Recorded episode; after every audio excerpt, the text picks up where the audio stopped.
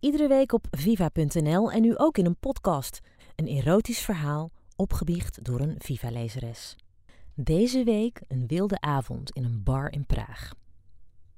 De kerstlichtjes in de straten van Praag maakten de stad meer dan gezellig. Het was avond en begin december. De koude wind blies langs mijn nek.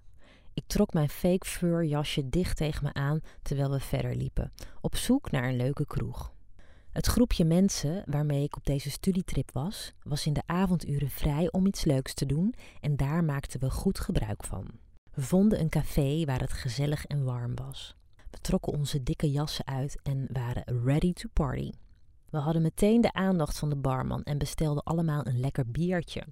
Maar terwijl al mijn vrouwelijke studiegenoten hun ogen op de barman fixeerden, was ik in iemand anders geïnteresseerd.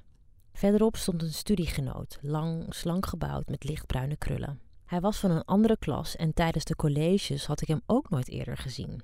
Ik spotte hem aan het begin van deze reis en kon hem sindsdien maar niet meer uit mijn hoofd krijgen. Ik zuchtte. Ondertussen zag ik dat de meiden begonnen te proosten en half dromend hief ik mijn glas in de lucht.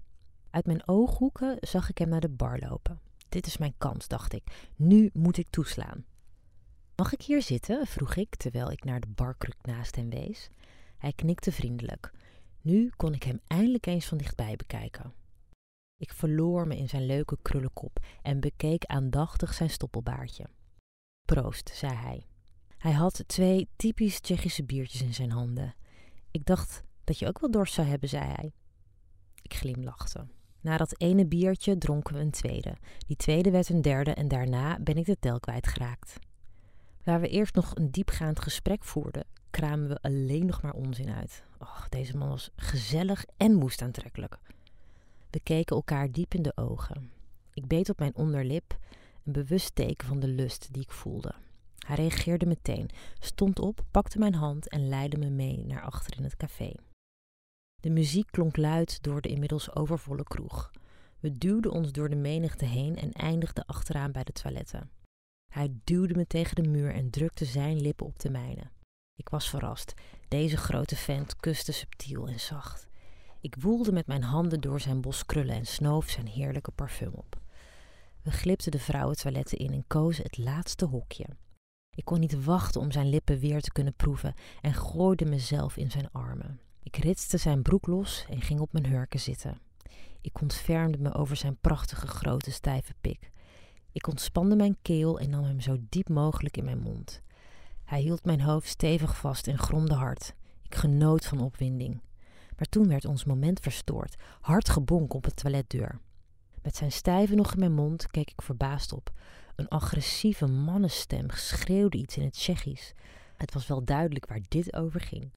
Oeps, met knalrode hoofden stapten we het hokje uit.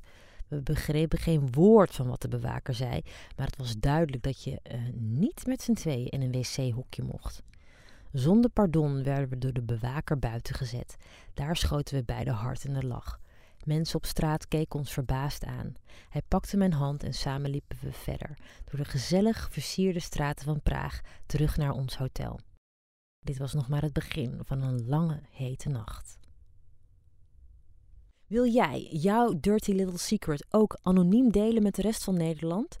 Stuur je erotische verhaal, maximaal 350 woorden, naar redactie.viva.nl met Dirty Little Secret als onderwerp. De beste verhalen publiceren we op viva.nl.